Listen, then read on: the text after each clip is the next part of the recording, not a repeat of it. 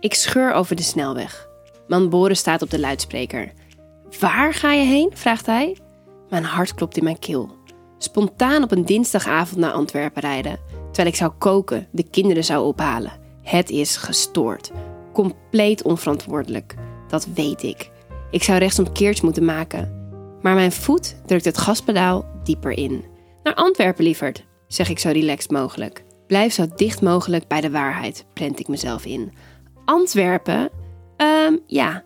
Mijn hersenen werken op volle toeren. Daar woont Suzanne. Weet je nog? Waarmee ik op, uh, op de universiteit zat. Lieg ik. Suzanne? Nee, nog nooit van gehoord. Zegt Boris boos. Ik negeer hem. Ja, zo erg? Ze is net op brute wijze ontslagen en ze belde me helemaal overstuur. Ze heeft mijn advies nodig. Ik kan haar toch niet zomaar aan haar lot overlaten? Dus een vrouw waarvan ik nog nooit heb gehoord, kan je niet aan haar lot overlaten, maar ons, je fucking gezin wel? Als ik niks terugzeg, zucht Boris gefrustreerd. Weet je, Charlie, je lijkt wel een ander mens de laatste weken. Als je terug bent, moeten we praten. Hij mompelt een verwensing en verbreekt de verbinding.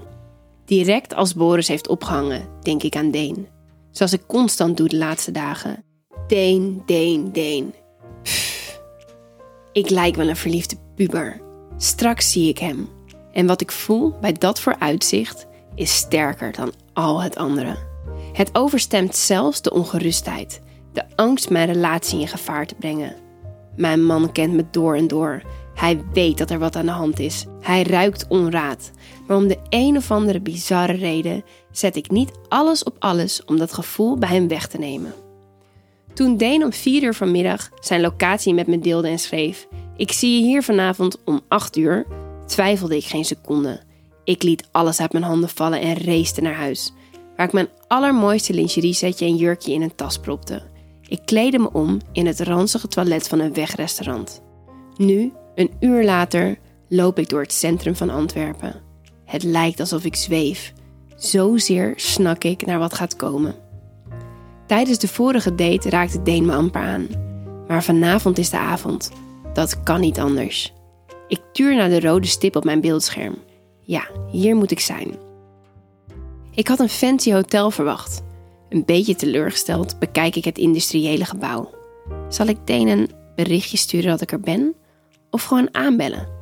Ik besluit voor optie 2 te gaan. Boven de grote gouden bel staat Spankt in hoofdletters, zonder klinkers. Ik druk en wacht af. De deur zwaait open. En daar staat de beeldschone vrouw die Deen vergezelde de allereerste keer dat ik hem op Wasteland zag. Ze is half naakt, draagt alleen een leren string en een mini-topje met een rits. Wat doet zij hier? Ik staar haar gekrenkt aan. Maar als ze een stap opzij zet, zonder iets te zeggen, herpak ik me. Haastig loop ik naar binnen. Hup, hup, niet zeiken. Ik verlangde naar een man die grenzen wil verleggen. Die wil experimenteren.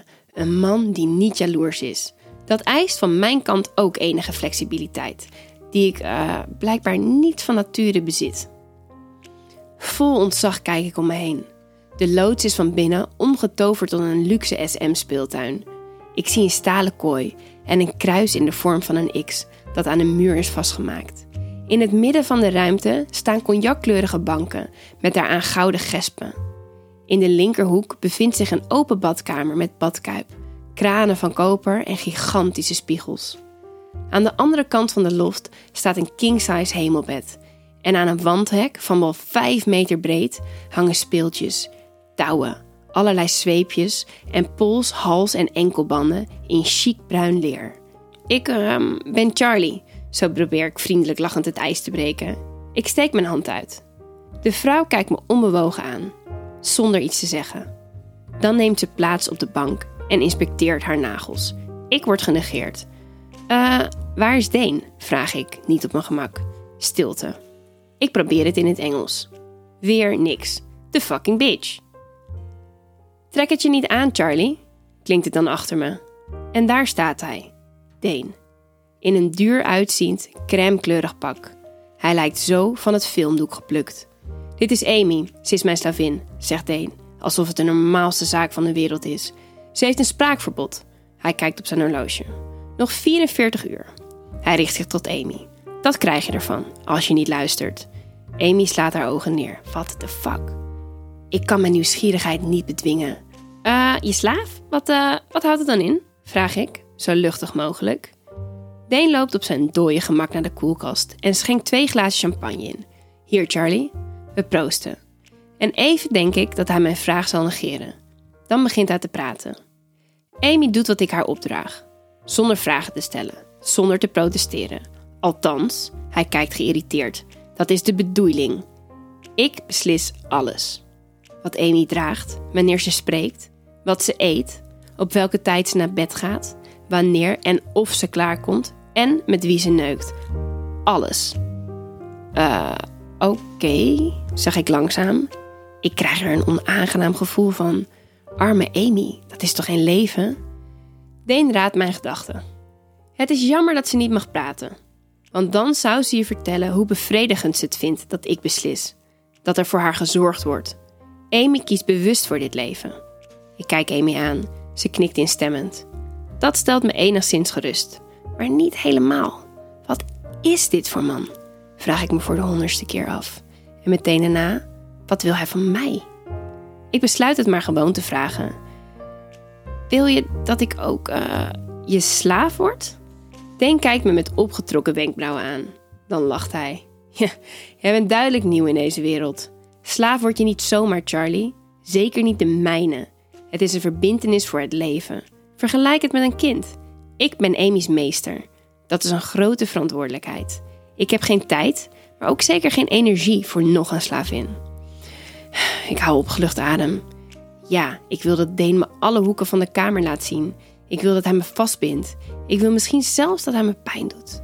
Maar zijn slaaf zijn? Nee, dat gaat me te ver. Ik wil vragen: wat wil je dan van mij? Maar net op het moment dat ik genoeg moed verzameld heb, pakt hij mijn glas uit mijn hand en zegt: Genoeg gepraat, Charlie, tijd voor actie.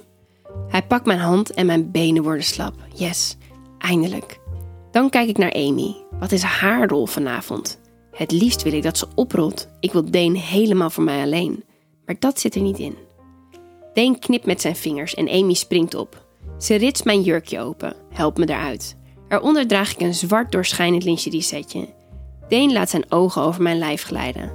Maar wat hij denkt, of hij me mooi vindt, aantrekkelijk, geil, dat maak ik niet op uit zijn blik.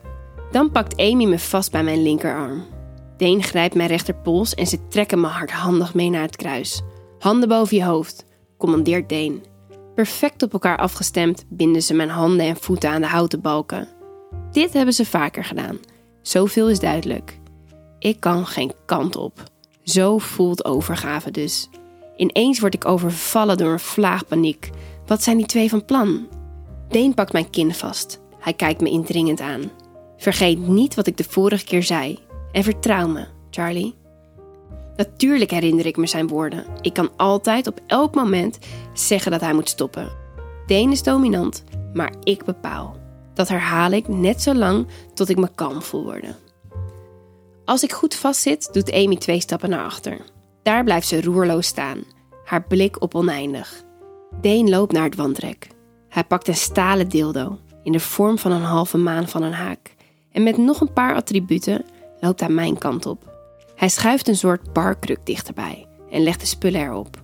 Dan zegt hij tegen Amy, als een tandarts tegen zijn assistent, wandvibrator. Amy reikt hem de vibrator aan en Deen zet hem op de zachtste stand. Hij laat de kop van de vibrator over mijn lijf gaan. Van boven naar beneden. Ik kreun zachtjes. Lik, beveelt Deen.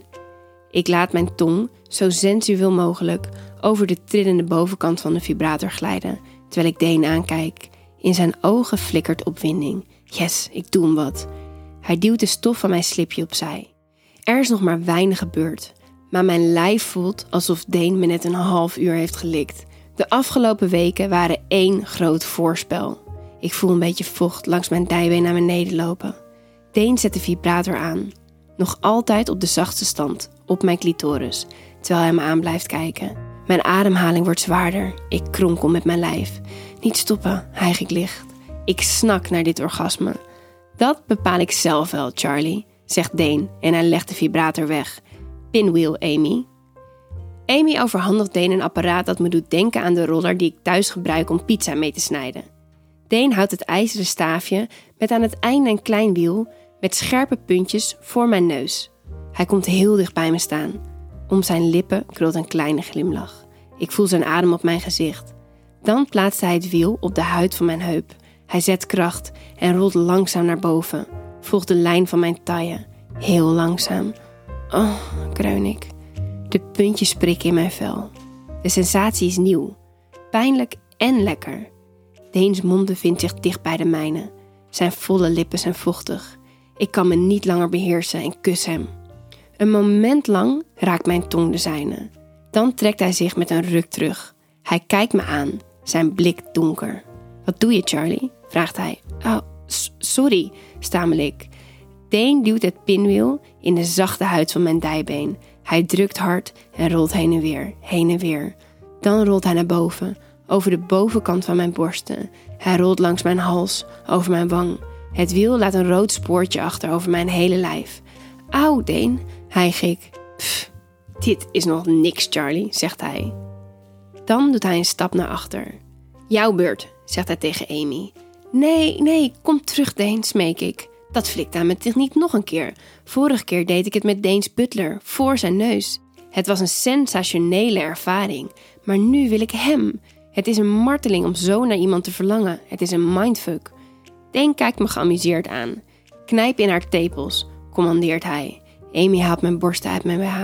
Ze masseert ze langzaam. Haar handen zijn warm. En terwijl ze beweegt, deint haar decolleté op en neer. Dan knijpt ze. Eerst zachtjes, dan harder. Oké, vinger haar nu, langzaam, zegt Deen. Amy streelt met haar vingertoppen over mijn buik. Ze daalt af naar mijn slipje. Ze likt aan haar vingers, laat ze over mijn gezwollen clitoris gaan en dringt dan even bij me binnen. Als ze haar vingers terugtrekt, glimmen ze van het vocht. Deen reikt Amy de stalen dildo aan. Aan beide uiteinden zit een bol. Amy likt aan de grootste. Ze rukt mijn string naar beneden en duwt de bol voorzichtig bij me naar binnen. Ik kijk Deen aan, als door een waas. Ik beeld me in dat hij het is die bij me binnendringt. Amy beweegt het dildo heel zachtjes heen en weer, terwijl de vingers van haar rechterhand mijn clitoris opnieuw vinden. Ik laat mijn hoofd tegen het hout van het kruis rusten en kreun met mijn ogen dicht. De tik die Deen uitdeelt, met een leren zweep met een dik plat uiteinde, komt onverwachts. Ik ben ineens weer bij de les. Sper mijn ogen wijd open, hap naar adem. De zijkant van mijn been brandt een beetje. Amy vingert verder, terwijl Deen zijn hand terugtrekt. Hij maakt zich klaar voor een nieuwe klap. Ik wil mijn lichaam beschermen, me klein maken, maar ik zit muurvast. Klets! De zweep landt opnieuw op mijn bovenbeen.